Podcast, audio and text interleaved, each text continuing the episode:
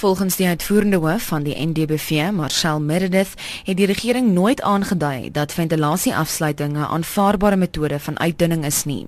Sy sê dit oortree die dierebeskermingswet. It's purely closing up the house and leaving the birds to die without any ventilation.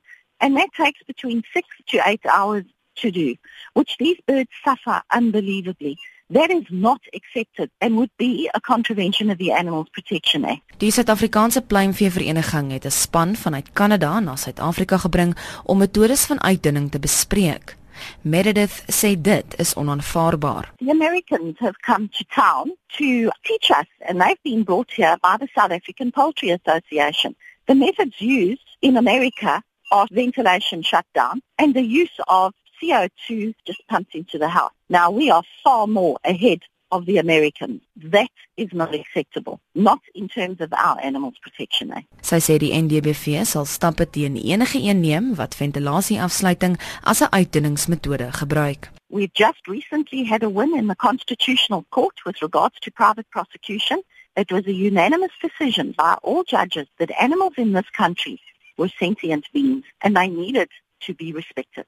Die uitvoerende hoof van die Suid-Afrikaanse Pluimvee Vereniging, Kevin Lovell, sê egter daar moes vinnig opgetree word. Hy voeg by dat net die voëls wat voëlgriep het, deur middel van ventilasieafsluiting van kant gemaak is. They're missing the point. There were no other alternatives available to South Africa at that time. The association has brought out an expert from Canada to help us with depopulation and hopefully we'll have more choices by the end of this week and we'll be able to find better ways of dealing with depopulation. Although there are roughly a half a million birds that have been affected so far, most of those birds do not have bird flu. So we only need to euthanize the actual sick birds in a quick way. We still have to euthanize the others because it's part of disease control, but we can just do that and do it in a slower way. Lovell erken daar kon voor die krisis al beter beplan gewees het, maar hy sê die regering se hulpbronne is skaars.